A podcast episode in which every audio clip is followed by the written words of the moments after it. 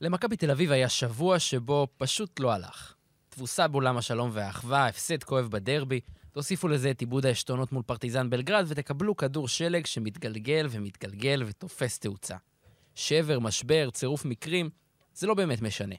אבל אם עושים זום אאוט ומסתכלים על העונה הזו בגדול, לצד המלחמה שפרצה, לצד עיבוד הביתיות והנדודים באירופה, לצד הקשיים, מכבי תל אביב עומדת במטרה ואפילו עולה על הציפיות ממנה. אבל עכשיו, ממש עכשיו, אנחנו עומדים להיכנס לשליש האחרון של העונה. כשנותרו 12 מחזורים בסך הכל, למכבי תל אביב יש סיכוי אמיתי לסיים את העונה הזו עם כרטיס ישיר לפלייאוף, כמו הסיכוי שלה להישאר בחוץ ולאבד הכל. את השבוע האחרון היא תצטרך להשכיח, גם אם שאר היריבות שלה המשיכו כרגיל. פנרבכצ'ה, אולימפיאקוס, מונקו, בסקוניה, מכבי תל אביב, ולנסיה או פרטיזן בלגרד, קבוצה אחת לפחות תישאר בחוץ. אפילו בלי כרטיס ל play-in. כל תוצאה שלא תהיה, תפתיע אותנו. גם השבוע, רגע לפני שנפתח את הפרק ונדבר על כדורסל נהדר, נזכור ונזכיר את 136 החטופים שלנו ששבויים בעזה. לא תהיה חזרה מלאה לחיים שהכרנו, בלי שכולם, כולל כולם, יחזרו הביתה והם תמיד יישארו בראש סדר העדיפויות. פתיח ומתחילים.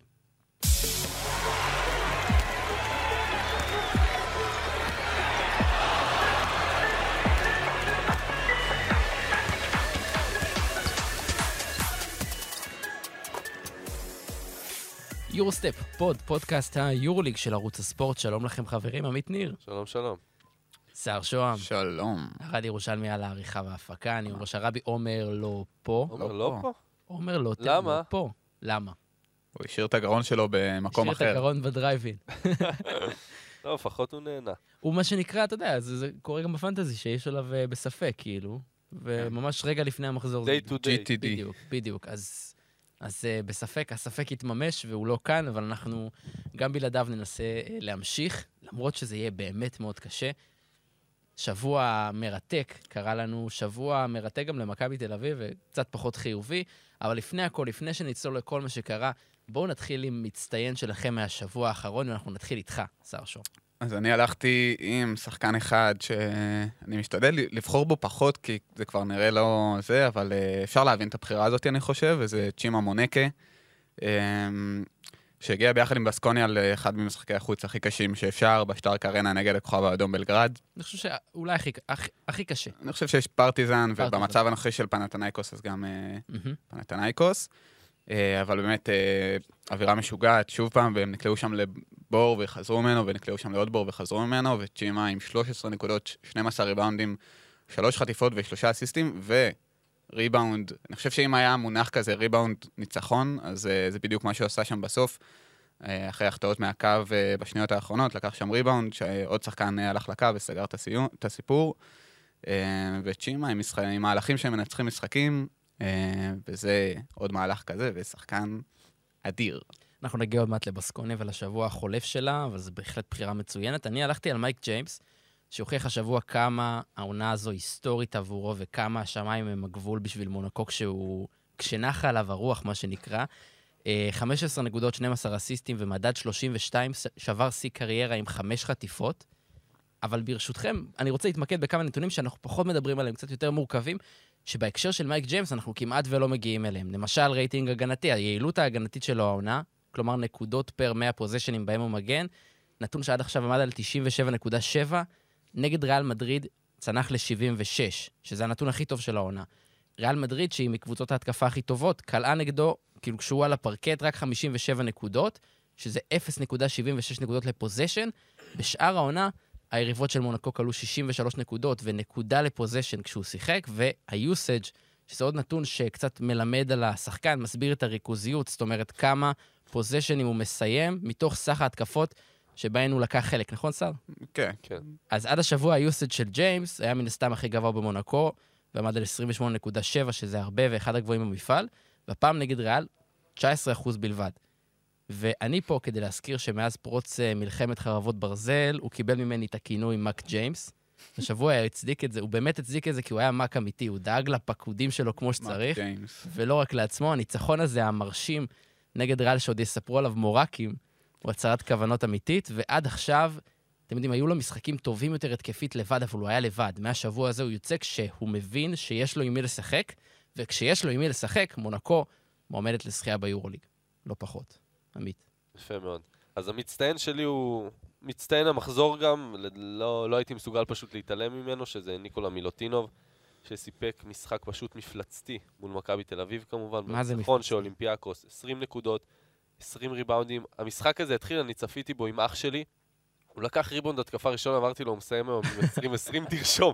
נשבע לכם, לא כתבתי את זה, חבל מאוד. זה הבעיה, שלא כתבת את זה, אז. לא היה... אבל uh, מהרגע הראשון זה היה ברור שפשוט, ידענו את זה לפני, שלמכבי פשוט אין מה לעשות מול סנטר ברמה הזאת, בגודל הזה, um, עם הנוכחות הזו בצבע.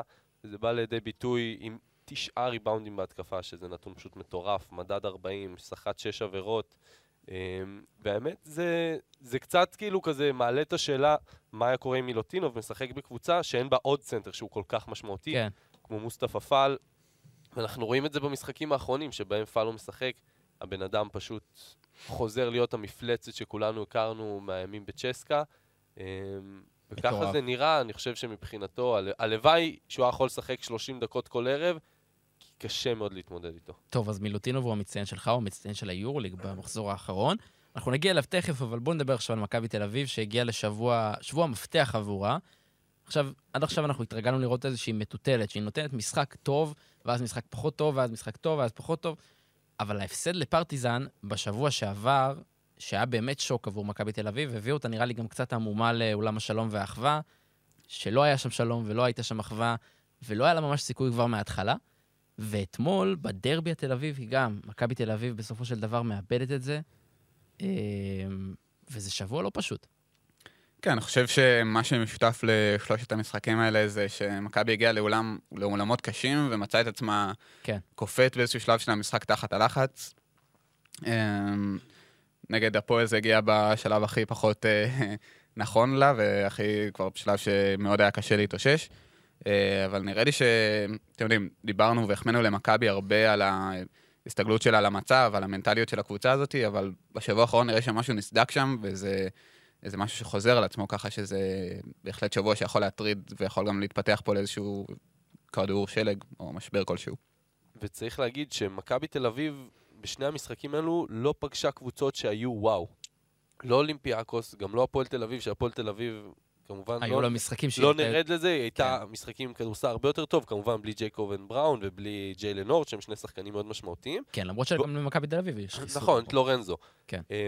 אבל מול אולימפיאקוס גם, דיברנו על זה כבר שבועות קודמים, זו לא, זו לא אולימפיאקוס שאנחנו זוכרים. גם במשחק הזה עצמו ראינו המון שלבים שבהם אולימפיאקוס פשוט לא הייתה קבוצה טובה, אבל היא ניצלה את, ה, את, מה- את החוזקות שלה לעומת מכבי תל אביב, ובראש זה מילוטינוב.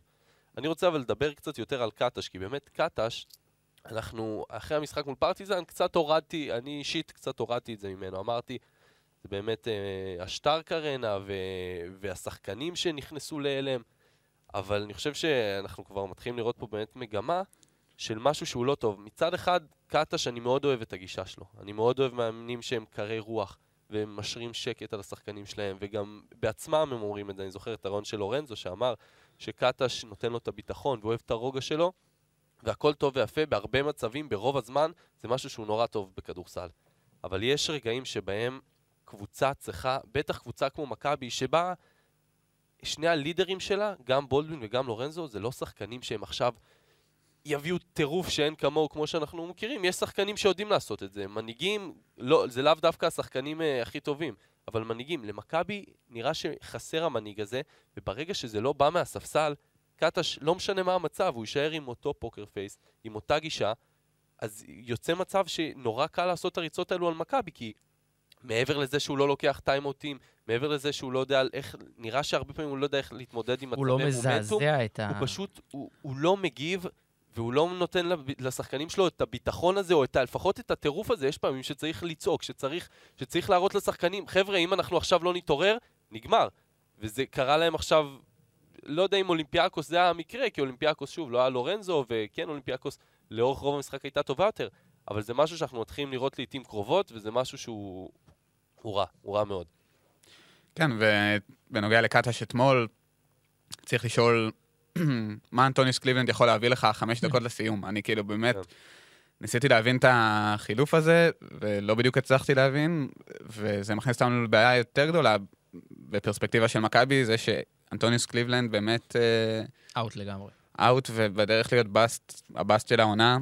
וזה אם- שחקן שדיברנו עליו בתחילת העונה, אפילו אני דיברתי עליו כ- כשחקן מפתח לעונה הזו של כן. מכבי. הוא אמור, היה, אמור היה להיות הסטופר ההגנתי שלך, בהתחשב במצב שבולדווין יש לו עיסוקים התקפיים אה, קצת יותר חשובים אה, לעשות. מהמם. ואנטוניוס קליבלנד, לא רק שהוא לא מתחבר, לא יכול לקחת חלק בהתקפה המסודרת של מכבי, גם עכשיו, ולא נראה שהוא יצליח בכלל, גם הוא לא, צריך להגיד את האמת, הוא לא נותן יותר מדי בהגנה, כאילו ה ticket שלו, הוא לא באמת מצליח אה, לעצור שחקנים. אתמול הקו האחורי של הפועל חגג אה, לכל אורכו של המשחק, וכל שחקן ושחקן שם היה לו את הזמן שלו לככב, ובאמת, אה, מה קליבלנד נותן למכבי?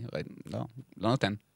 כרגע לא, ואין ספק שזו עוד טעות של קטש בתוך כל הטעויות שראינו השבוע, של אה, אתה לא יכול באמת שחקן שאתה לא, מר- לא נותן לו ביטחון לאורך כן, זמן כאילו, ארוך, פתאום לזרוק אותו בטיימינג הכי גרוע שיש. במשחק הזה, במשחק, בלחץ הזה, זה משהו שהוא לא מכיר.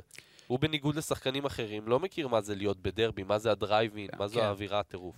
קליבלנד נכנס כשמכבי הובילה בתשע, וכשהוא יצא כבר היה בתוך המומנטום של הפועל, אה, וכן. לא עזר הרבה לקטש, ובצד של הפועל, אבל צריך להגיד, אקסבייר מונפורד, אני לא יודע אם ראינו... איזה...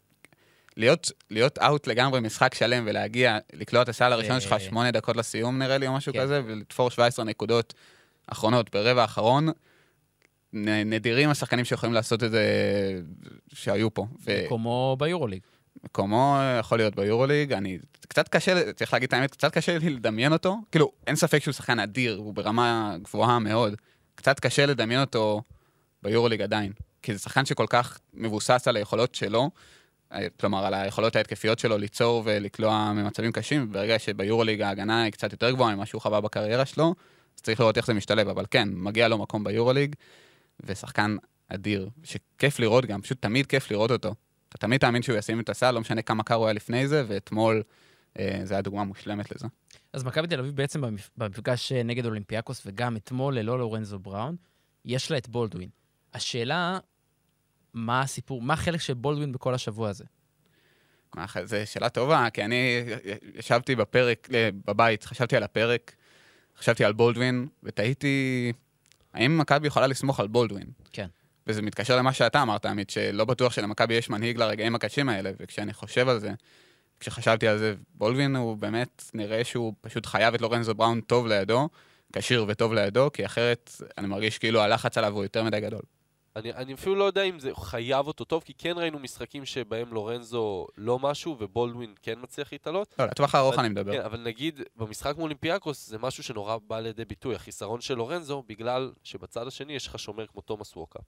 וברגע שלורנזו לא משחק, אז המשימה הרבה יותר קלה עבור אולימפיאקוס. כי ברור שווקאפ מהשנייה הראשונה מסמן את בולדווין, ובולדווין כשמסמן אותו שומר ברמה כזאת, אנחנו ראינו מה קורה. הפתיחה שלו הייתה אחת הרעות שראינו הרבה מאוד זמן.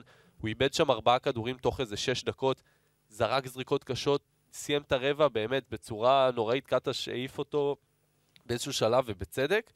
אמ, אז ברגע שאין את לורנזו, באמת, מן הסתם כל התשומת לב ההגנתית, בטח כשיש סטופר כמו אה, ווקה בצד השני, הולכת אליו. וגם כמובן שזה קשור באמת ל, לרמת המוטיבציה של בולדווין. אנחנו רואים אותו הרבה פעמים באמת על המגרש, במשחק הזה זה בא לידי ביטוי, כי ברגע שהוא מתחיל רע, אנחנו רואים אותו אחרי שתי דקות כבר מתחיל עם הפרצופים, מתחיל עם החוסר חשק, גם בהתקפה, גם בהגנה. ו- וזה, ברגע שאתה הכוכב של הקבוצה, בטח שאין את לורנזו, זה מה שאתה מראה לחברים שלך, מה, מה, מה. מה אפשר לצפות שיהיה? הגישה הזאת בעייתית, וזה זה לא פעם ראשונה, וההבטחה שלו לא לעשות טכניות ב-2024 החזיקה כמה? 18 ימים? 19? לא... לא מספיק, לא מספיק. אה, כולנו חיכינו לראות מתי הדבר הזה יישבר. לא חשבנו שזה יקרה כל כך מוקדם. הוא גם התראיין אחרי המשחק לבסקט ניוז, ויש לו שם כמה ציטוטים, אה, חוץ מזה שהוא אומר שהוא אחד הגארדים הטובים באירופה, אה, ושהוא אחד השחקנים הטובים בליגה, זה הקטע שלי. הוא גם מדבר על העניין הזה של הציפיות ממכבי, ואומר, יש לנו פחות משאבים מלכל קבוצה אחרת, אבל אנחנו מתחרים על הפלייאוף, על מה יש לכעוס. ציטוט בעיניי כן, עלוב. מה הכוונה למשאבים? כן, זה, מעניין. אה, אם הוא מתכוון כלכלית, אז הוא לא מחובר לעסק, כי הם בערך באזור, באזור הפלייאוף play-in מבחינת אה, אני מניח, ש... תקציב. אני מניח שהוא קהל? לקטע של הבית וזה, למרות שזה נשמע כאילו מתייחס כן. לסגל, לכסף, אבל uh, אני מניח, זה נשמע הגיוני, שזה כן. באמת נכון. כן. בסדר, לא, לא צריך לכעוס, ברור שמכבי בעונה, כאילו, מבחינת מאזן, שוב, צריך להגיד, בסדר גמור, בהתחשב במצב, אפילו טוב, אבל uh, ההיתממות הזאת של... Uh, כלומר, מכבי זה לא מועדון שצריך, מכבי זה מועדון שצריך להגדיר לעצמו, אנחנו השנה מגיעים לפלייאוף, נכון, ופחות מזה זה אבל- כישלון. אז לבוא ולהגיד, אנחנו בפחות משאב, לא יודע מה מתכוון משאבים, אבל אנחנו פחות משאבים וזה, כן. אז כאילו מיותר. למרות שצריך להגיד, שוב, העונה הזו, אתה, אתה לא יכול לשפוט אותה כמו עונה רגילה. לא, אתה בסדר. חייב לשפוט אותה לפי הפרספקטיבות של העונה הזו, ואני חושב שבסופו של דבר, מכבי תל אביב נכנסת לשליש האחרון של העונה, כשהסיכויים לטובתה, השאלה אם זה, אם היא לא עושה פלייאוף, זה כישלון? בעיניי כן. בעיניי, שוב, זה ברור שיש נסיבות מקלות. יש נסיבות מקלות שצריך לקחת אותן בחשבון, וזה באמת אה, מוריד קצת מה, מה, מהעניין הזה, אבל אה, אין מה להיתמם. כאילו, אין, לא, הוא לא צריך להתאמן בו. אם הוא אחד השחקנים הכי טובים באירופה, אז שיוכיח את זה ויקח את הקבוצה שלו למקום שהיא צריכה להיות בו. לדעתי זה יהיה כישלון, אבל זה לא במצב של לשבור את הכלים. כן, לא. שוב, כי כן, בסופו של דבר, גם עם זה שהמצב של מכבי, היא עדיין צריכה להיות בתוך העשירייה הראשונה. יודע מה, בוא נגיד אם היא תהיה בפליין ולא תעפיל לפלייאוף, אז מילא, בסדר. אבל לא להיות בתוך העשירייה הראשונה במצב הזה של היורוליג, זה אומר שקבוצות כמו אה, ולנסיה, אה, ז'לגיריס, אחת מכל הקבוצות האלו יהיו, לפני מכבי תל אביב, וזה לא משהו שאמור לקרות, לא מבחינת, שוב, תקציב, לא מבחינת הסגל שחקנים שיש למכבי, לא מבחינת זה שיש למכבי את ההמשכיות של השחקנים הכי טובים שלה, זה לא משהו שאמור לקרות. וראינו בשבוע האחרון, פחות בדרבי, כי הוא באמת היה טוב וקיבל קצת יותר כדורים, אבל לפחות ביורוליג, שבונזי קולסון ממשיך להיות דומם בפינה, ואני באמת לא מצליח להבין כולל את זה. בפוזיישן האחרון של המשחק. אתמול הוא היה פנוי לגמרי בפינה שם, בדרבי, לא מבין איך זה לא, איך הכדור שם לא הגיע אליו, אבל ביורוליג. ארבעה משחקים אחרונים, לוקח פחות משבע זריקות למשחק, מקום, יש 15.6 אחוז ב usage בחמישה משחקים האחרונים, והוא התשיעי בקבוצה בזריקות per possession. זה בזמן שה... ש... שכאילו, מבחינת אה, נקודות per possession הוא מהמובילים. כן. אה, וכולנו מכירים את האיכויות שלו ב post-up, ב- וכל... הרבה מהנקודות שלו זה גם כל מיני ריבאונד התקפה וליקוטים כאלה, אבל כשהולכים אליו, זה מסתיים לרוב בפעולה טובה, ופשוט לא עושים את זה. אבל אני חושב שגם, יש פה גם, זה גם עליו, בקטע הזה של מה שראינו מאולימפיאקוס, לא דיברנו על זה, זה היה משחק מבולגן בטירוף. לא, לא ראינו הרבה, ש- מבחינת מכבי, לא ראינו הרבה תרגילים, כי גם כי, שוב, אין לורנזו, אז יותר קשה להניע באמת בלאט, עם כל הכבוד, מוסר, מוסר מדהים וקולע שלשות וזה, אבל הרבה פעמים, כשהוא זה שצריך לקחת ובאמת להוביל ולנהל משחק, יש הרבה בלאגן. כן. וראינו באמת, לאורך כל המשחק פשוט ראינו חסימות בטופ, חסימה, עוד חסימה, עוד חסימה, לא הצליחו להכניס כדורים פנימה, לא הצליחו לייצר שום דבר, ובאמת זה הגיע למצב שזה משחק די כזה אישי, אני לוקח את הכדור ומנסה. מזכיר ואני- נשכחות מ... ואני חושב שקולסון במצב כזה צריך להבין שכאילו, אוקיי, אם זה מה שעושים, אז אני בתור אולי השחקן שהכי נוח לו לייצר נקודות מכלום בקבוצה הזאת, אני צריך לקחת כדור ליד. כן. בסדר, אז זה לא בדיוק מה שעושים עכשיו, אבל שוב, ברגע שהמשחק כל כך מבולגן ואין סדר, אז לדעתי שחקן ברמה שלו, שחקן שהוא כוכב מספר 3 בקבוצה הזאת, צריך לקחת הרבה יותר על עצמו, ואם היה לו למשל את ה... אני לא יודע, האופי, ביצים, איך שלא תקראו לזה, של תמיר בלאט, אני בטוח שהיינו רואים אותו עושה את זה הרבה יותר, וגם זה היה כן. יותר טוב ממכבי, כי כשהוא, הכדור אצלו בידיים, בדרך כלל קורים דברים טובים. בואו נדבר קצת על ההמשך. אה, מכבי תל אביב נמצאת בתוך לוז באמת באמת עמוס גם בליגה. ביורוליג היא פוגשת, פוגשת השבוע את היוונית השנייה, את פנתנייקוס, אה, בבית, לכאורה בבלגרד, לא באוהקה, ובשבוע הבא יש לה שבוע כפול נגד ריאל מדריד ובסקוניה בחוץ. מה שהופך את המשחק עכשיו לפ... נגד פנתנייקוס למשחק שבאמת יכול לגמור את העונה לכאן או לכאן. לא, לגמור את העונה. לא לגמור את העונה? אני חושב לא שזה אה, אחד המשחקים הבאמת באמת... לא, משחק, שיכול להיות אה, אחלה תוספת כוח אם אתה לוקח אותו, ויכול כן. להיות גם... כן, אין ספק שזה עכשיו הפסד פה, ואתה יוצא לספרד אה, עם רצף אה, של ארבעה הפסדים רצופים. טוב, אם לא נחשיב, כן. את- כן, אם לא נחשיב. אבל אז ברור שזה יכול להכניס אותך ל- ל- להעמיק את ה- את העניין הזה, אבל אה, העונה עוד, אתה יודע, מכבי במקום טוב, במצב טוב, ויש עוד זמן, אבל כן, אה, מכבי צריכה לעשות הכל כדי לא לצאת מהרצף הזה עם שלושה הפסדים, כי אם זה קורה, אז אה, כן, זה ואחרי- מצב לא לא משהו. ואחרי הספרדי הכפול גם הנדולו בחוץ, ועוד מעט נגיע לאנדולו והכושר שהיא מתחילה להיכנס אליו, אז כן. זה גם לא מעודד. אבל צריך להגיד, כאילו, אנחנו מסתכלים כבר על מאזנים פנימיים. למשל, אולימפיאקוס עכשיו ניצחה פעמיים את מכבי, אז אם הם יסיימו ביחד, אותו נכון. מאזן, אז היא תהיה לפניה. אבל פנתנאיקוס, שוב, היא צריכה את הניצחון בתור ניצחון. להזכיר שבמשחק הראשון היא ניצחה אותה בחוץ, מכבי ניצחה את פנתנאיקוס, ואם היא תנצח גם עכשיו, אז מן הסתם זה יהיה לה את היתרון עליה. מצד שני, אם היא תפסיד, אז נכון, זה לא טוב למאזן, אבל גם ככה נראה שפנתנאיקוס בשלב הזה לא כל כך באותה רמה של מכבי. מבחינת איך שהעונה תסתיים. מבחינת המאזנים, ההפסד לאולימפיאקוס הוא יותר, אה, יותר משמעותי למכבי מבחינת המאזנים הפנימיים, כי, כן. כי נראה שפנתנייקוס קצת ב-level אחר. בדיוק. אני חושב שזה משחק מאוד מאוד חשוב, ויהיה מעניין לראות מה יקרה שם. בואו נעבור למחזור האחרון, ואיזה מחזור היה לנו, ואיזה משחק, המשחק של המחזור, מונקו נגד ריאל מדריד. זה מפגש שהולך ומסתמן כמפגש פיינל פור פוטנציאלי, והפעם מונקו כבר מהפתיחה לגמרי לקחה את זה, ריאל מדריד סופרת הפסד שלישי בסך הכל העונה, ומונקו שהתקשתה קצת אה, בתקופה האחרונה, שוב, הצהרת כוונות שלה, לנצח את ריאל זה מרשים, לנצח 98-74, זה יוצא מן הכלל. כן, נתחיל עם, ה... עם הדבר הכי משמעותי במשחק הזה, שזה החיסרון של וולטר טווארס. אמ, כי כמובן, אפשר להחמיא עם מונקו כמה שאנחנו רוצים, על ניצחון גדול ועל להביס את ריאל מדריד בעונה כזאת, זה באמת לא, לא משהו פשוט, אבל המשחק הזה פשוט הוכיח את החשיבות של טווארס לריאל מדריד. אנחנו תמיד מנסים ככה, אנחנו מדברים עליו בקטנה, כי זה לא שחקן שאנחנו כל היום, שוב, המספרים שלו לא הכי מרשימים, וגם אפילו המספרים ההגנתיים שלו השנה פחות מרשימים ממה שהתרגלנו. אבל השחקן הזה הוא הדבר הכי חשוב של ריאל, בריאל מדריד, והוא מוכיח את זה, הוא הוכיח את זה בענק במשחק הזה, כי כשהוא לא נמצא, הצבע של ריאל היה פרוץ ברמות לא נורמליות. ריאל מדריד ברמה הגנתית, היא הייתה, היא הייתה נראית כמו קבוצת ההגנה הכי גרועה ביורוליג, כשאנחנו מדברים על אחת משלוש קבוצות ההגנה הכי טובות ביורוליג. אה, אוקיי. וזה, וזה היה פשוט, הם, שוב, גם החדירות היו קלות, גם הסנטרים של מונקו, שהם לא סנטרים טובים, חגגו בתוך הצבע, זה היה פשוט...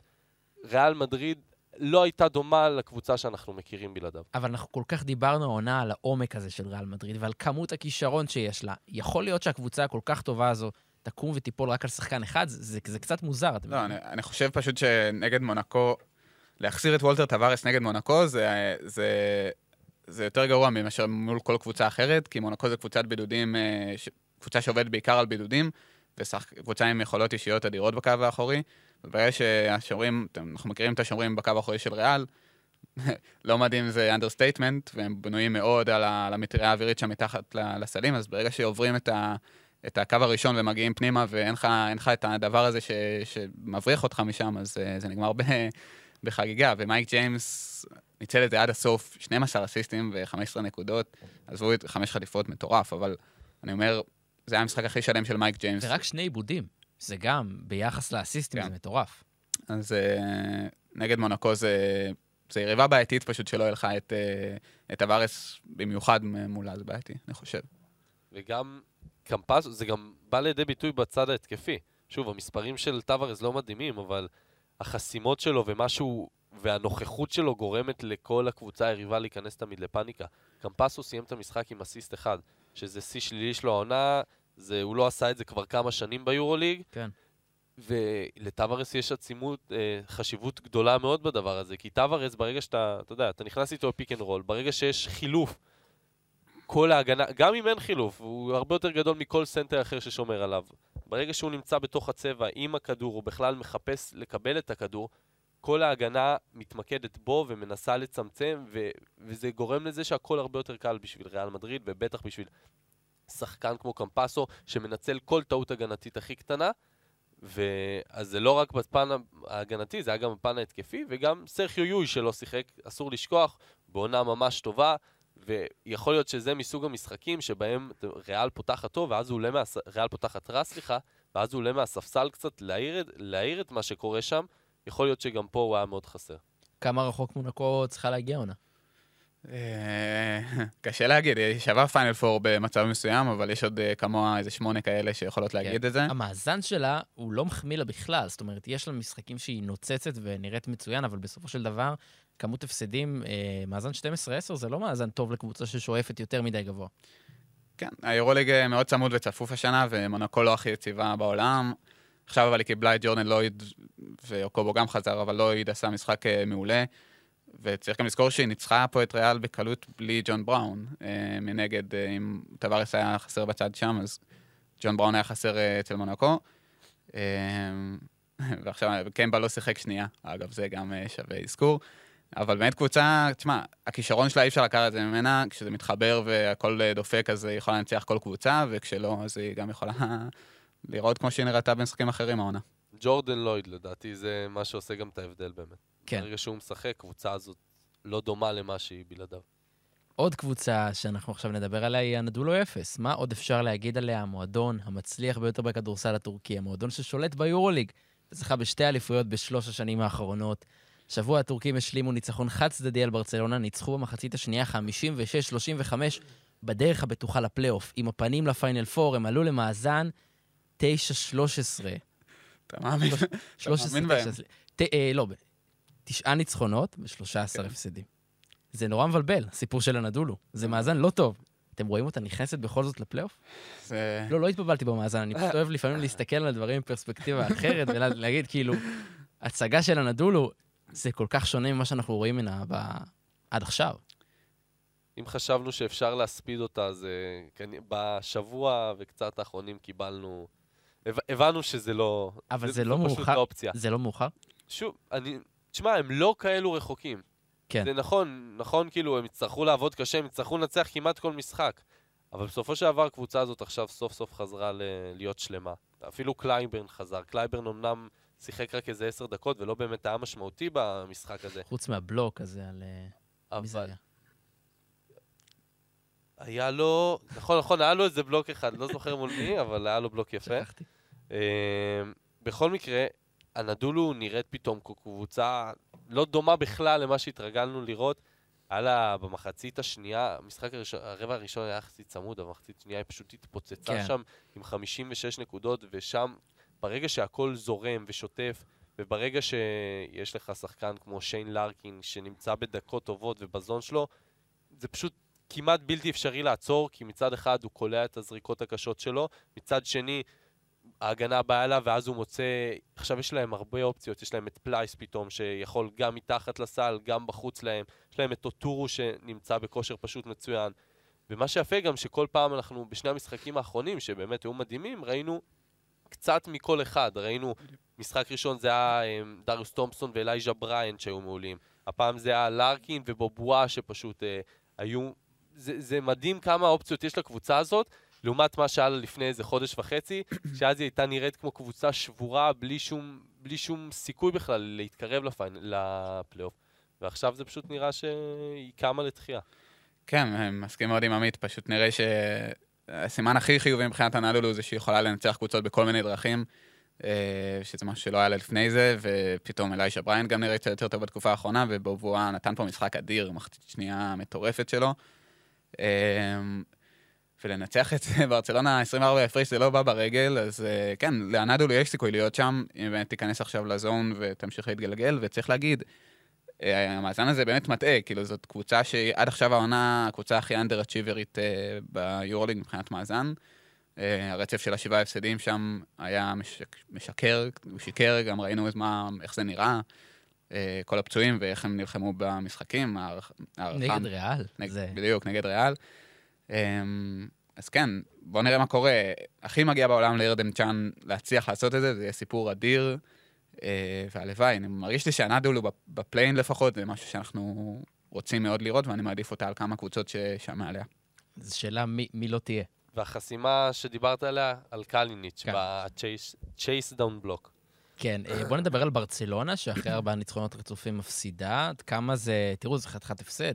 זה לא הפסד עכשיו של הפרש נקודה או שניים, זה, זה באמת אה, הפסד שיכול קצת להוציא אותה מהמסלול.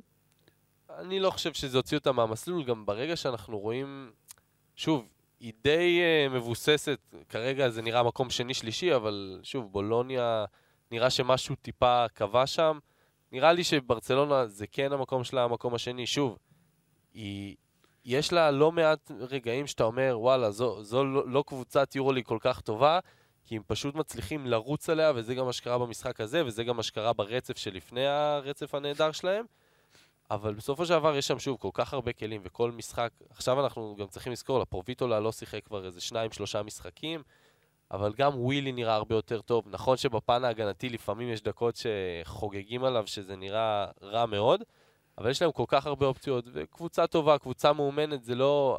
קשה לי לראות אותם מסיימת מחוץ לטופ 2-3. אני גם לא חושב שזה יקרה, אבל כן רואים כאילו, אי אפשר להתכחש מזה שכשלפרו לא משחק, זה לא אותה קבוצה, הם, הם לא מצליחים, הם נתקעו פה במשחק הזה התקפית, לא היה מי שיחסה עליו, ראינו את ג'אברי פארקר במשחקים הקודמים אה, עולה מדרגה, זה הפעם הוא סיים עם 2 מ-11, אה, ולא היה להם, הם התקשו מאוד לייצר נקודות, וזה לא פעם ראשונה העונה, כי היה להם שבעה משחקי יורו-ליג העונה עם פחות מ-75 נקודות, מתוכן לפרוביטולה לא שיחק בשניים, ובשלושה קלה חד ספרתי, אז כשאתה רואה, כשאין לך את התרומה הזאת מהנכס הזה, אה, העניינים יכולים להסתבך בשבילה, ובסוף זה הכלי הכי חשוב שלה. אז כל עוד היא לא תצליח למצוא יציבות במקום, באזורים אחרים, למצוא דרך לתפקד גם כשזה לא קורה, אז אה, זה עלול להיות בעיה גם בשלבים יותר מאוחרים. אבל היא עדיין הראתה איזושהי, היה את השבוע כפול לפני, שבה היו לה שני ניצחונות אה, יפים, גם אולימפיאקוס, כן. גם ז'לגיס, בלי לפרוביטולה. שוב, אז זה היה עם פארקר, ג'אברי פארקר ובריזואלה במשחק השני, אז כאילו, כן. פה זה לא היה מספיק. מן הסתם הוא מאוד חשוב, ואני חושב שהיא כן מראה שהיא מסוגלת להתמודד בלעדיו. למשל, אם משווים את זה לטוורס, אני חושב שהחשיבות של טוורס יותר גדולה מאשר אה, לריאל, מאשר לפרוביטולה לברצלונה. מעניין. יכול להיות. לא בטוח. מבחינתי. איך נמדוד את זה? נעשה אה, אבן יער ומספריים אחרי זה. כן. אה, טוב, במחזור האחרון קיבלנו קלאסיקה אמיתית שפנתנייקוס פגשה את פרטיזן בלגרד. הקבוצה הבאה שתפגוש את מכבי תל אביב ופנתנייקוס. מכבי תל אביב תגיע למשחק הזה נגד קבוצה שבאמת רצה בצורה נפלאה, וזה גם מפגש כיפי כזה של אוברדוביץ' נגד הקבוצה שהוא החזיר ככה, שהוא, שהוא גרם לה לראות כל כך אה, קורנת בתחילת המילניום הזה, פנתנייקוס. הם לא באמת היו יכולים להפסיד, כי היה להם שם 18 אלף אוהדים, שצרחו אחרי כל, כאילו, מה שהלך שם על הטבעות, והיילייטים ודברים מדהימים, ורבע האחרון באמת נפלא. זה נראה טוב. אני חושב שמהרגע ש... המשחק נגמר ברגע שמתיאס לסור עשה את הפוסטר הכפול הזה על הבאזר, אז אתה ידעת שאין אין, אין, אין תיאוריה שהם מאבדים את זה, והם גם יצאו לרבע הרביעי. חברים ו... שלו. כן. כן. אה, אז באמת, משחק, ניצחון מאוד משמעותי לפנתנייקוס, שכרגע היא משחקת את הכדורסל הכי טוב ביורוליג, בעיניי. כרגע, נקודת הזמן הנוכחית, כשאנחנו רואים שריאל, אה, ברצלונה ווירטוס אה, מורידות קצת אה, הילוך. וכן, פנתנייקוס יכולה לראות בעצמה כמועמדת טבעית מאוד לפיינל פור. ומה שמדהים בעונה הזאת, יותר מכל דבר אחר אצל פנתנייקוס, זה שהיא פשוט הצליחה, בהתחלה קצת צלה וזה, הצליחה למצוא את החוזק שלה בדרך שאף אחד פשוט לא ציפה לה. שחקנים שפשוט לא, חוץ מלסור, שחקנים שפשוט לא, אף אחד לא היה מהמר עליהם, שהם אלו שיגרמו לפנתנאיקוס להיות קבוצה כל כך טובה. בתחילת העונה, הרי אמרנו, יש להם את סלוקאס, יש להם את uh, וילדוזה, יש להם את חואנצ'ו, איזו שלישייה ש, שליד לסור, הם, הם הולכים לקחת אותה הכי רחוק שיש. ופשוט ראינו שהדבר הזה לא קורה. ועכשיו, בתקופה האחרונה, היא, היא, השלושה האלו לא משמעותיים. סלוקאס, כן, סל... סלוקאס סביר, יחס, שוב, עושה את המינימום. בדיוק, הוא עושה את המינימום יחסית לעצמו, זה לא, זה לא מה שציפינו ולא מה שהם ציפו לקבל. מצד שני, לצד לסור יש לך עכשיו את ג'ריאן גרנט, יש לך את קנדריק נאן, יש לך את גריגוניס, יש לך את מיטוגלו. זה רביעייה שאם בתחילת העונה היינו אומרים, הם אלו שיגרמו לפנתנאיקוס להיות קבוצת top 4, אז היו צוחקים עלינו. לגמרי. כאילו, מה, מה זו הרביעייה הזאת? גם... מה, זו רביעייה של קבוצת אמצע טבלה ומטה. גם קנדריק נאן, זה כל כך מרשים ההסתגלות שלו פה למפעל הזה, כן. אנחנו, זה באמת מפתיע. כן, אנחנו לא מדברים על זה מספיק, אני חושב, ובאמת אה, מגיע פה מילים, מילים טובות, כי גם בהתח... קנדריק. בהתחלה גם היינו קצת ציניים, כמו שהיינו, כמו שאנחנו, עם קמבה ווקר, שזה מוצדק לגמרי, אבל קנדריק נאן זה סיפור אחר לגמרי. כן. כי הוא פשוט שינה, שינה את הקבוצה הזאת. אם, אם נסתכל אה, ונראה מתי הוא הגיע לעומת התוצאות שלה, לעומת הנתונים ואיך שהיא משחקת, אנחנו רואים שזו קבוצה אחרת לגמרי, והוא העלה אותה כמה רמות למעלה, וזה בדיוק מה שהוא היה צריך שם, התאמן גארד יוצר שיכול לעשות נקודות, וקנדריק נאן כמו כפפה ליד. ושוב, צריך לציין את ג'ריאן גרנט, לדעתי כל משחק אנחנו נצטרך לציין אותו כי הבן אדם מה שהוא עושה הגנתית זה פשוט... מטורף. זה שחקן ההגנה של העונה... ראית את ה possession שלו שם? שעבר... מה, שהוא חטף... וואו. רדף אחרי... מי זה, הננלי? רדף לדעתי אחרי ננלי שרץ מתחת לחסימות, הצליח לחתוך בין החסימות, ולחטוף את הכדור, מסירה, לחטוף את המסירה. שני מטר פשוט. לפני שהכדור, פשוט- לא ראיתי מה. פשוט. מדהים. מדהים. ובמשחקים האחרונים, הוא- באמת הופך את הקבוצה הזאת לקבוצת הגנה ממש טובה, שזה משהו שהיא לא הייתה קרובה להיות קבוצת הגנה טובה בהתחלה. שבעה משחקים אחרונים, היא ספגה 71 נקודות בממוצע, שזה כלום. ובמשחק הזה ספציפית, אתה יודע, אנחנו מדברים עליו, והוא משחק 35-36 דקות, מסיים עם 4 נקודות, אבל אין מצב שהתאמן... זה לא יו- הסיפור. אין מצב שהתאמן כן. יוריד אותו מהמגרש, כי גם אם הוא מסיים עם 0 נקודות, במשחק הזה ב-36 דקות הוא לקח שתי זריקות מהשדה. מטורף. זה כלום. וזה שחקן שבשנה, נגיד כשהוא היה אצל אה, טורק טלקום, זה שחקן שהתקפית, אה, לא, לא זוכר את הממוצעים, אבל כלה 12 נקודות נגיד ממוצע המשחק. אז עכשיו יש לו את התפקיד שלו, והוא עושה אותו הכי טוב באירופה בשלב הזה, ומדהים איזה כיף זה לראות שחקן שדרך הגנה מצליח לשנות קבוצה. 15 נקודות בממוצע 15. למשחק שנה שעברה, ובאמת הוא מצא את התפקיד שלו, והוא הפך לאחד השחקני ההגנה הכי טובים ביורוליג, וזה פשוט מטורף, המהירות גם שהדברים קרו, כן. ולזכור את הקדנציה שלו במילאנו הקודמת, שהוא לא היה קרוב אפילו למה שאנחנו רואים ממנו עכשיו. כלומר, ידענו את הפוטנציאל, לא ראינו את זה יאללה, בפעולה, ועכשיו עונה מדהימה. איך מכבי תל אביב צריכה להתכונן לכישרון הזה של פנתנייקוס בשביל לנסות לצאת עם ניצחון? לא פשוט, אני חושב שתצטרך... האמת יהיה מעניין לראות את... אה, קודם כל מאוד חשוב לראות אם לורנזו בראון משחק או לא, כי שוב, כמו שהיה את ווקאפ אה, ששיתק את בולדווין במשחק הקודם, אז ג'ריאן גרנט יכול לעשות בדיוק אותו דבר גם עכשיו. אה, אז אם לורנזו בראון משחק, היא חייבת יום טוב משני הגארדים של המכבי, ושבונזי קולסון גם יעשה את... היא צריכה שניים משלושתם בסופו של דבר כדי להיות בעסק. אם לורנזו בראון לא משחק, צריך פה הופעה יפה מאוד לכל אורך החמישייה. ובכלל, האתגר הכי גדול, היא עוברת ממילוטינוב ללסור. לסור, לסור אמנם טיפה פחות, גם, מתי, ראינו את זה ב, במשחק הכנה, אני זוכר, של מכבי מול פנתנייקוס, שלסור פשוט חגג שם, כן. ובאופן כללי, לסור זה באמת מסוג הסנטרים שיודע לנצל חולשות של, אה, של, שיש בצבע של קבוצות יריבות, ומכבי תל אביב אין לה מישהו שבאמת יכול להתמודד עם החייתיות הזאת שלו. זה הולך להיות מסוג המשחקים האלו שהוא סוחט עשר עבירות לפחות, והולך להכניס את הגבוהים של מכבי בבעיית עבירות. ושוב, השאלה באמת עד כמה מכבי תצליח להוריד אותו ולנסות לסחוט ממנו עבירות. כי לסור יש לו את הקטע הזה שהוא נכנס לבעיית עבירות, ולדעתי זה יכול להיות מפתח מאוד חשוב, כי עם לסור ובלי לסור זו קבוצה אחרת לגמרי, בטח כשהמצ'אפ שלה זה מכבי תל אביב. טוב, בואו נסגור את הרביעייה הראשונה עם uh, הפתעת העונה של uh, לוקה בנקי, שהגיע למחזור האחרון אחרי שני הפסדים רצופים.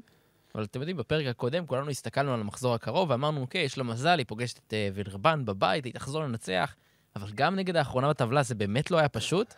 עד כמה היא לוקחת את הניצחון וממשיכה הלאה, או עד כמה זה יכול להעיד על חולשה לקחת גדולה. ולשכוח. לקחת כן, ולשכוח. לקחת ולשכוח ממש, בטח שיש לה לוז לא פשוט, וגם אה, טוקו שנגליה לא שיחק כמובן. כן. פצוע. עכשיו גם השאלה היא אם הוא, יצל... אם הוא יחזור, כי בלעדיו הקבוצה הזאת לא, לא, לא ברמה, אני לא יודע, בלעדיו אני לא חושב שזו קבוצת פלייאוף בכלל. וואלה. אה, כן, זה שחקן שהוא, ראינו איזה משמעותי, הוא שחקן ש... אומנם במחזורים האחרונים זה קצת ירד, והוא כבר... עכשיו אם אנחנו נגיד מסתכלים על, אה, על ה-MVP, אז אנחנו כבר שמים את מייק ג'יימס מעליו בוודאות. אבל זה שחקן שהוא הוא הדבר הכי חשוב בקבוצה הזאת, הוא שחקן בעונה אולי הכי טובה בקריירה שלו בגיל כל כן. כך מאוחר. אה, ולפחות במשחק הזה, בגלל שיריבה כל כך חלשה עמדה מנגד, אז הם הצליחו, למרות אה, חצי ראשון לא טוב, אה, ולמרות, הם, האמת נכנסו הרבע האחרון במינוס תשע, כן. וילרבן הובילה לאורך אה, חלק ניכר באמת במשחק. ופשוט מה, לא היו צריכים יותר מדי, היו צריכים את בלינלי שקצת התעורר, את לונדברג, את דניאל אקט ששוב נתן משחק גדול, שזה... איזה כיף זה. כן. שפשוט כיף לראות את השחקנים האלו שאנחנו שוב, כבר לא ציפינו מהם. בתחילת העונה הם לא היו, לא חשבנו עליהם כמשהו שהוא, כשחקני יורוליג טובים, והם פשוט אה, עושים את הדברים האלו. עכשיו באמת המבחן זה לראות אם בולוניה תצליח גם מול הקבוצות היותר טובות, בלוז לא קל שיש לה, אה, להתייצב. כן. בשביל ארבן, אה, נועם קיבל עשר דקות, סיים עם 0 מ-2 מהשדה, אה, וריבאונד. בסדר, לפחות הוא מקבל את לפחות הדקות שלו. דקות, כן. זה חשוב. הדרך עוד אה, ארוכה לפניו, אה, כרגע בעיקר שיצבור אה, קצת זמן מגרש. וכן, תכף נדבר על ים הדר, זה נושא שמשותף לשניהם, שיזרוק, שיזרוק עוד, שייקח עוד על עצמו. עכשיו נדבר על ים הדר, כי עכשיו נדבר על פנרבכצ'ה שהגיע במחזור האחרון לליטא. שרס חוזר לז'לגיריו ארנה, ואחרי שהם חגגו במחזורים האחרונים, הם עכשיו חזרו קצת לקרקע, וז'לגיריס בבית החם שלה הזכירה נשכחות מהעונה שעברה. טרינקרי נראה שנהנה בסך הכל, פנרבכצ'ה מפסידה אה, 75-98, אה, חוזרת, חוזרת קצת לקרקע, וגם מדר. כן, ממה- נתחיל? בוא נתחיל עם פנרבכצ'ה. תשמע, פנרבכצ'ה עכשיו שני משחקים רצופים בלי נייג'ל וויליאמס גו... אה, נייג'ל וויליאמס גוסט, נייג'ל הייס דייוויס, אה, ואנחנו רואים, זה משמעותי, כאילו שני משחקים ברצף הוא לא משחק, שני משחקים ברצף הם סופגים יותר מ-90 נקודות, אה, ובמשחק הזה זה פשוט לא היה קרוב, הם לא הצליחו לה- להסתדר עם האנרגיות של ז'לגריס, ואני לא חושב שציפינו שזה ייראה כל כך חד צדדי ממש לא. לצד הזה וכל כך מהר. פנרבכצ'ה לא היו בסיפור פשוט. כן. אה, וברגע שקינן אבנס חוגג עליך ככה, ובירוטיס עושה מה שהוא רוצה מתחת לסלים, אז, אה, אז באמת אין הרבה מה לעשות. ברגע ש... אתה יודע, המשחק של פנרבכצ'ה בסוף התנקז כזה לסקוטי ווילבקין בלבד, וככה נראה לי שכמה כבר יודעים שלא מנצחים משחקים. אני ממש מחכה לרגע שבו קינן אבנס אה, יפרוס כנפיים וילך לקבוצה עם יומרות. יותר גדולות מז'לגיריס. זה יקרה כאילו, בקיץ. חובה. זה חייב לקרות. ואני מהמר על ברצלונה, או אולימפיאקוס. אולימפיאקוס נראה. לי יותר מתאים. אני חושב ששתיהן אה, יושבות עליו. כן, כן. ברצלונה הייתה שמחה מאוד לקבל שחקן כמוהו. רק שלא ינחת בפנר, כי זה מה שחסר להם על הראש, עוד, עוד גארד. אה, ים הדר עם עוד משחק שאמרת קודם על, אה, על נועם יעקב, שלא זורק מספיק, לא מנסה מספיק. זה בולט פה. זה גם, זה, הוא גם לא מנסה מספיק, וגם בדקות שלו, בתקופה האחרונה, כאילו, אתה, אתה מרגיש מצד אחד באמת שהוא לא עושה עבודה משהו, מצד שני אתה גורא, רואה קצת חוסר סובלנות אולי מצד שרס. כן. אה, משהו שהיה קצת שונה. האמת, עם איטודיס, נכון, הייתה תקופה בסוף שזה היה נראה קצת פחות טוב, אבל בגדול, הרבה פעמים ראינו את ים הדר מקבל באמת דקות מכובדות, גם אם בהתחלה, בתחילת המשחק, הוא עלה, הוא עלה מהספסל ולא נראה משהו, עדיין הוא נתן לו את ההזדמנות הזאת, והפעם זה נראה ששרס מחזיק אותו יותר קצר, אבל זה... בצורה זה, שהיא מתאימה שרס. לשרס. בדיוק, אנחנו ידענו שזה מה ש... שהולך לקרות. אני, וזה- אני חושב, אני חייב לקחת על עצמי שהתובנה שלי על מה יקרה עם אדר עם שרס, התובנה הכי גרועה שלי, פרק, ומי ש- את התובנה שמי שלא... ומי שאורב לנפילתי אז מוזמן לתקבק, לתקבק בזה, אבל כן, אני לא מבין פשוט, כי שרס, נכון שקלטס היה לו איזו עלייה קטנה, כש, עלייה כששרס הגיע, אבל עדיין זה לא נראה הכי טוב, ובסוף שרס מוצא את עצמו מאמלל, את, מאמלל אה, בצורה מסוימת את מדר, מוריד לו מהביטחון, כשהוא יודע שהוא יצטרך אותו.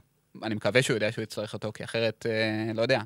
הוא מוחק לו את הביטחון, הוא מתייבש אחרי אה, כמה דקות לא טובות, וברגע שאין לו גם איזה משהו לסמוך עליו יותר מדי, קלטס בכל זאת לא בפריים שלו, אז כדאי שיהיה לך גם את מדר לצדך, אבל אני מודה שאני לא מבין את ההתנהגות הזאת.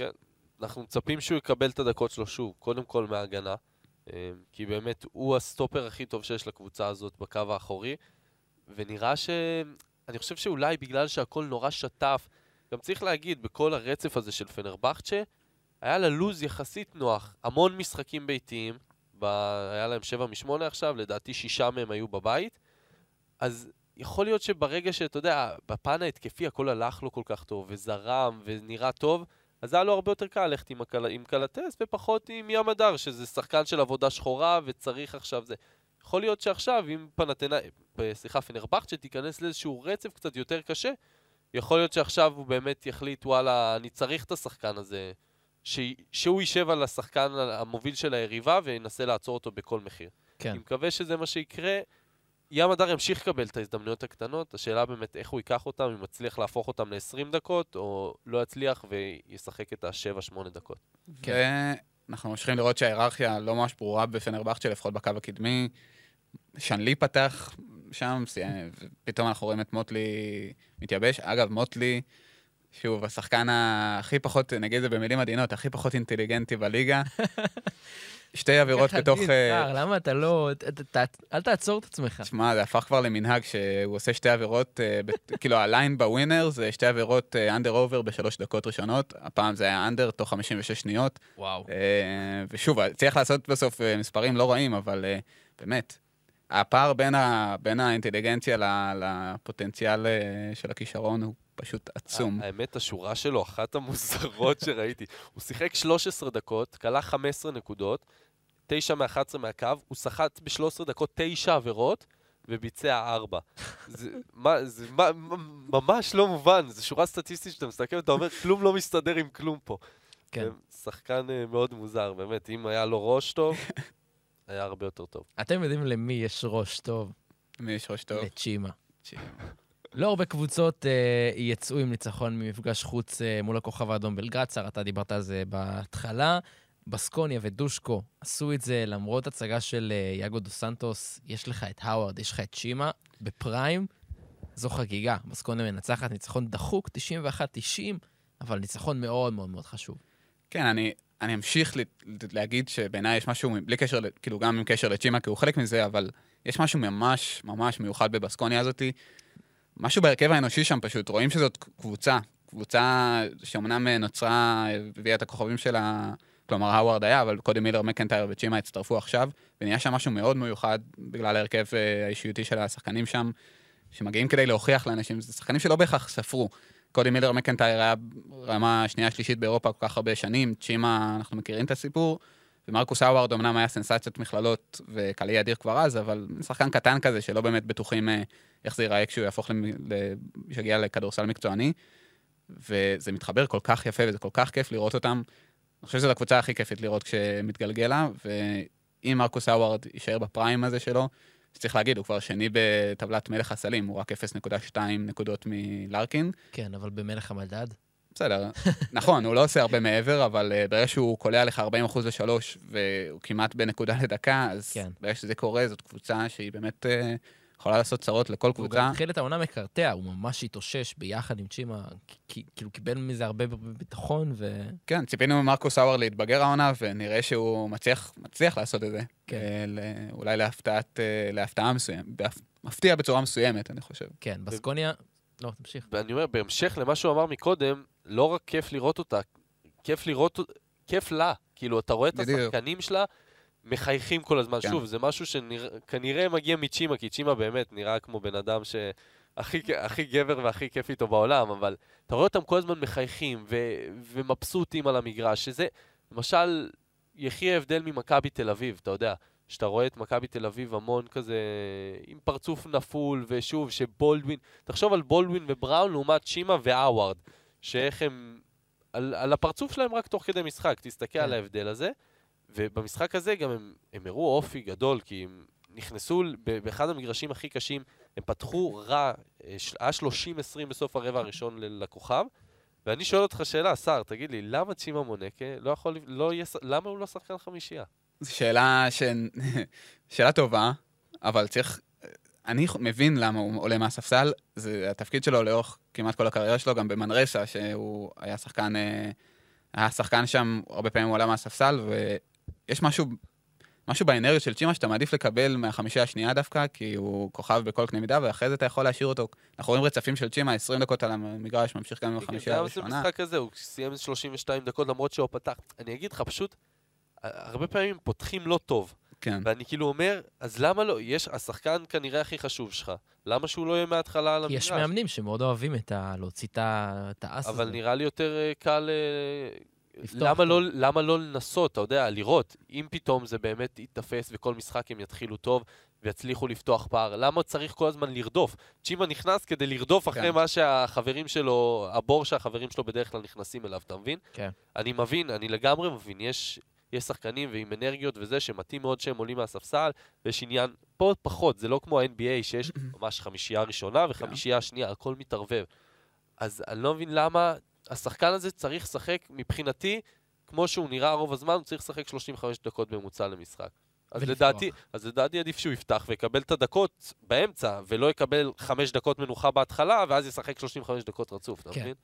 אגב, צ'ימה התחיל, אה, תנו לי רגע פינה זה, לפינת המעריצים של צ'ימה, ממליץ, המלצה חמה, הוא פתח אה, עמוד יוטיוב שהוא מפיק שם, אה, הוא מכין סדרה תיעודית עליו לאורך העונה, הוא התחיל מהמשחק נגד, משחק הכוח, נגד, הקודם נגד הכוכב, נכון? זה היה משחק עם האח... לא, אני מתבלבל. לא משנה, לפני איזה... משחק עם ההחטאה מהעונשין, נגד מי זה היה? שהוא החטיא בכוונה? שהוא החטיא בכוונה, לא זוכר. וואי, שכחנו את זה. קיצור, זה מאוד מעניין לראות רואים איזה דמות הצגה הוא, זה ספציפית אה, פרק של 13 דקות, וממה שהבנתי הוא הולך להמשיך עם זה. כן. הוא מצלם את עצמו, שיש מישהו... יש איזה מישהו שמכין לו את זה, אני לא יודע, רואים שם אותו במהלך היום, מתכונן למשחק, רואים אותו תוך כדי מקריין את המשחק שלו. גדול. וזה הרגע, עמוד היוטיוב של צ'ימה אה, קיבל לפחות שלושה צופים לא, חדשים. וגם הוא, תמיד יש לו את ה live באינסטגרם, אחרי כן. שהוא אוכל המבורגר, תוך כדי שהוא אוכל, הוא פתאום מעלה את מילר מקנטייר. אני מת על זה, מת על ה... וקורע. אוהב את השחקנים ש- שיוצאים קצת מהפרקט גם לרשתות, אני מת על מייק ג'יימס, שהוא מצייץ על כל shit, זה באמת באמת נפלא. אה, במשחק קודם נגד הכוכב, צדקתי. בסקוניה, צריך להגיד, היא לא בטוחה עכשיו אה, ב- בפלייאוף. באיפשהו במאב- במאבקי הפליין, אני מאמין, תסיים את העונה. זו קבוצה שאף אחת לא רוצה לפגוש בפליין, כי ביום נתון היא יכולה להתפוצץ. כן, וזה מאוד תלוי במרקוס האווארד, שדיברנו הרבה על צ'ימה, אבל גם מרקוס האווארד, אנחנו כבר לוקחים כמובן מאליו שהוא עושה 32 נקודות ב-23 דקות. כן. אז אה, באמת, אה, כששניהם מגיעים, כל קבוצה יכולה להפסיד לבסקוניה. עוד קבוצה שנמצאת ככה בקלחת של המאבקים מוולנסיה, שניצחה במחזור האחרון 84-72 את מילאנו, קבוצה שאנחנו מתקשים לאכול, היא מפסידה, ואז אנחנו אומרים, טוב, הדבר הזה נגמר, אבל אחרי שלושה הפסדים היא חוזרת לנצחת, לנצח. אה, היא עושה את זה נגד מילאנו, שזה לא מובן מאליו. ולנסיה תמצא את עצמה בפליין? למה, אבל למה מילאנו בחוץ זה לא מובן מאליו בשלב הזה? לא יודע, גם מילאנו זו קבוצה ש... שעוד עלולה למצוא את עצמה... בוא, בוא נגיד מבחינת ולנסיה, להפסיד בבית למילאנו במצב הנוכחי שלה, זה...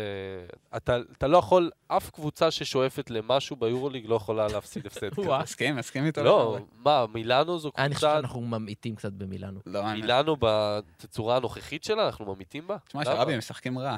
קבוצה לא טובה, היא לא הייתה טובה לפני, היא משחקת בלי מירוטיץ', היא משחקת בלי מאודו לא. עכשיו שבון שילס כן משחק, לא משחק. אבל זו לא קבוצה ש... אני לא יודע, כל קבוצה שבאמת רוצה להיכנס לכל הפחות לפליין לא יכולה להרשות לעצמה להפסיד, בטח לא בבית, ובטח לא ולנסיה, שזו קבוצה שאנחנו יודעים כמה שהיא אוהבת את הבית, כמה שהיא טובה בבית. אה, וזה לא היה קל, כי עדיין במילאנו דבון הול ושבאז נפייר הצליחו לעשות קצת בעיות במחצית הראשונה, אבל ברגע שבמחצית השנייה מגיעים, יש לדעתי ולנסיה, השלישייה שלה זה ג'ונס, אוג'לי וברנדון דייוויס, וברגע ששלושתם, הגנתית אנחנו יודעים שהקבוצה הזאת טובה, אבל ברגע ששלושתם מגיעים בהתקפה, אז אה, קבוצה כמו מילאנו לא צריכה להוות בעיה, וזה גם מה שראינו, באמת מחצית שנייה קטלנית שלה. אז מה התקרה של ולנסיה? תקרה, קבוצת פליין. כן? זו התקרה, אבל שוב, אתה אמרת מי יישאר בחוץ. כאילו זה נורא צמוד, יש שם, אתה יודע, יש איזה שבע קבוצות, שאחת מתוכן או שתיים מתוכן נשארו מחוץ לפליין. אנחנו לא כוללים שם נגיד את הנדולו, שיכולה ביום נתון לחזור לשם. בדיוק, אז אתה מבין, יש כל כך הרבה אופציות. כן. שוב, כמו, כמו שראינו במחזור הזה עם התוצאות ההזויות של ז'אלגיריס מפרקת ב-25 את פנר ומונקו את ריאל, אנחנו תמיד אה, לא יודעים יותר מדי. לא נסכם את הפרק הזה, לא נסיים את סיכום המחזור בלי הדרבי. לא רק בתל אביב היה דרבי. היה גם אה, הדרבי הגרמני ביורוליג, אלבה ברלין נגד ביירן מינכן, ביירן מינכן, 82-65 אה, לבווארים. כן, לא, זה ש- הזמן ללכת לישון. לא, אם כבר, אם כבר פתחנו, אז נראה לי שווה להרים פה לעוד שחקן שאנחנו לא מדברים עליו מספיק, וזה סילבן פרנסיסקו. כן. אה, שבאמת הפך לב- לבעל הבית של ביירן, ואני לא בטוח ש... אני לפחות לא, לא, לא הייתי בטוח שזה יקרה, שילך לו כל כך טוב בעונת יורוליג הראשונה שלו. זה שחקן מאוד כיפי לראות, והוא מייצר נקודות בדרכים אה, מלהיבות, על אף אה, גובה נמוך מאוד, אה, וכיף לראות אותו שם מצליח. במשחק הזה הם גם קיבלו משחק מעולה מברנקוביץ', שזה עוד איזה שם כזה שאנחנו מגלים העונה. ואלבה ברלין, זאת אלבה ברלין, אז לא צריך יותר מדי להתרגש מהניצחון הזה של ביירן. לקחו את המשחק הזה וינסו להתאושש עוד יותר בהמשך. אלבה בברלין תהיה ביורוליג בעונה הבאה? אני חושב שכן, כן? פוליטית, כן. לא נראה לי. לא אם. היא צריכה להיות, אני שואל אה, היא לא- בפועל. אני אומר, היא לא צריכה להיות, אבל היא אף תהיה. אחד לא חושב שהיא צריכה להיות. אני חושב שלא יוותרו על ברלין כעיר בתוך, אה, בתוך החברה המסחרית הזאת, שזה בסדר, אה, אבל אה, כן. זה גם אה, לא כל כך זה נעים גם לא לראות. כל כך בסדר. זה גם לא כל כך בסדר. כן, אה, סער, אתה רוצה לעשות את אה, סיכום הניחושים מהמחזור האחרון? זה... אתה רגע. נכנס כאן לנעליו של עומר לוטם הגדול. אוקיי. היה אה, מחזור... מחזור מביך לכ- לכל המשתתפים מביך, בו. מאוד היו צריך, הרבה אה, הפתעות. צריך כן. להגיד, טוב, אז אה, מה שקרה זה שעומר שראבי ועמית ניר הוציאו חמישה ניחושים נכונים. עומר שרבי שכונה בהודעה עין שרבי. אני. צריך להגיד שגם עומר לוטם כונה עין לוטם. אני שומר על אחידות. אז עין לוטם ושיער שוהם הוציאו ארבע, ארבעה אה, ניחושים נכונים, מחזור אה, של נפילות קשות. כן. טבלה כללית, שרעבי ממשיך להוביל עם 103, עמית ניר עם 99, עומר לוטם עם 98, וסער ממשיך לדשדש עם 93. ואני שואל, מתי אתה שם את המפתחות, או מחרים לפחות את הסיכום ניחושים? למה אתה מתעלל אני כרגע-? אני, כן, לא, זה, קודם כל, אני, השביתה מאוד האיטלקית תחזור, צריך להגיד, אני, עשיתי את הסיכום ניחושים פה, אני. חזרתי לפרק, האזנתי, הקשבתי מי אמר מה, לא פשוט. תתייחס אליי יפה, כל כך מה... כן. וכתגובה לכך, אני אגיד שאני ממשיך אה, לצמק את הפער מעמית ניר בפנטזי יורוליג. אתה. מחזור מצמק, מחזור לא מצמק. יש לי כבר עשרה שבויים, ולך לדעתי יש שבעה, אז לפחות בזה אני מוביל עליך, אבל אה, בסדר, בוא נראה מה קורה בסוף. אני כבר אמרתי לך שאני מתכנן את המהפך למחזור האחרון, אני... אתה תיקח מקום שני, וזה מאוד מכובד. כן. אה, אנחנו עכשיו נדבר על המחזור הקרוב. בואו נפתח עם מכבי תל אביב, שתתאר- שתארח את פנתנייקוס בבלגרד. יום חמישי, תשע וחמישה. אה, אני הולך עם אה, פנטינאיקוס, אני חושב. כן. וואי וואי. אני... אני יכול, אני אוכל לשנות את זה אם... ב- לא. ב- בהתאם ללורנזו משחק או לא? לא, יודע מה אני עם מכבי. אני עם פנתנייקוס. אה, פנרבכט שמארחת את וירטוס בולוניה. תשמעו, זה זה משחק. זה משחק. כן, משחק שיקבע פה מומנטומים, ואני אני הולך עם... אה, אני אומר שפנרבכצ'ה. גם אני. אני הולך עם- פנרבחצ'ה. מה? עשיתי כבר אחד מכם שונה. אלבה ברלין מארחת את הכוכב האדום בלגרד. בעיטה ומבצרה. לא, סתם, לא, ממש לא. הכוכב. הכוכב. הכוכב. אה, ביירן מינכן מארחת את וילרבן. ביירן, לך על מפגש. וילרמן. אה, ביירן, גם אני עם ביירן. ביירן. אה, ריאל מדריד מארחת את אולימפיאקוס, יאללה. מר ריאל. יורוליג. ריאל מדריד, נכון. אה, ריאל, כי זה בבית. אולימפיאקוס. מילוטינוב חוגג על אה, פוריה. אנדולו אפס מארחת את מונקו. הנדולו בהערכה. מונקו. אנדולו. בסקונה מארחת את ולנסיה. בסקוניה. בסקוניה בהערכה. בסקוניה. פרטיזן בלגרד מארחת את ז'לגיריס. אה, פרטיזן. פרטיזן. אני עם אה, פרטיזן, כן. ומילאנו, הקבוצה ששום ניצחון מולה הוא לא מובן מאליו, עמית ניר, מארחת את ברצלונה. ברצלונה. למה? לך על מילאנו. לא. פחדן, ברצלונה. פה זה מובן מאליו שזה ברצלונה. אני עם ברצלונה. טוב, באמת אה, מחזור אה, נפלא ומרגש וכיף, ואיזה כיף, איזה כיף אה, שהיה לנו את הדבר הזה. תודה רבה לכם על ההשתתפות, אה, עמית ניר. תודה לך, שרבי. תודה רבה לך, שר שוהם. תודה רבה לך, ואני אשמח גם לנצל את ההזדמנות על על מנת להגיד תודה רבה לערד ירושלמי על ההפקה, העריכה. והתזמון. תזמון שזה לא כולם יודעים, כן. יש לו תזמון נדיר. זה תדעו ככה בכללי. כמו מרקו, הלב, הלב. אה, תודה רבה גם לעומר לוטם, שלא הגיע לכאן, אבל אה, הוא תמיד אה, איתנו ובליבנו. אני עומר שרבי, נזמין אתכם לשמוע פרקים נוספים שלנו ושל פודקאסטים אחרים מבית ערוץ הספורט. רדיו אזורי למשל, מעולים. סטרצ'פוד למשל, מעולים, עולים לרגל למשל, מעולים. אנחנו ניפגש בפרק הבא.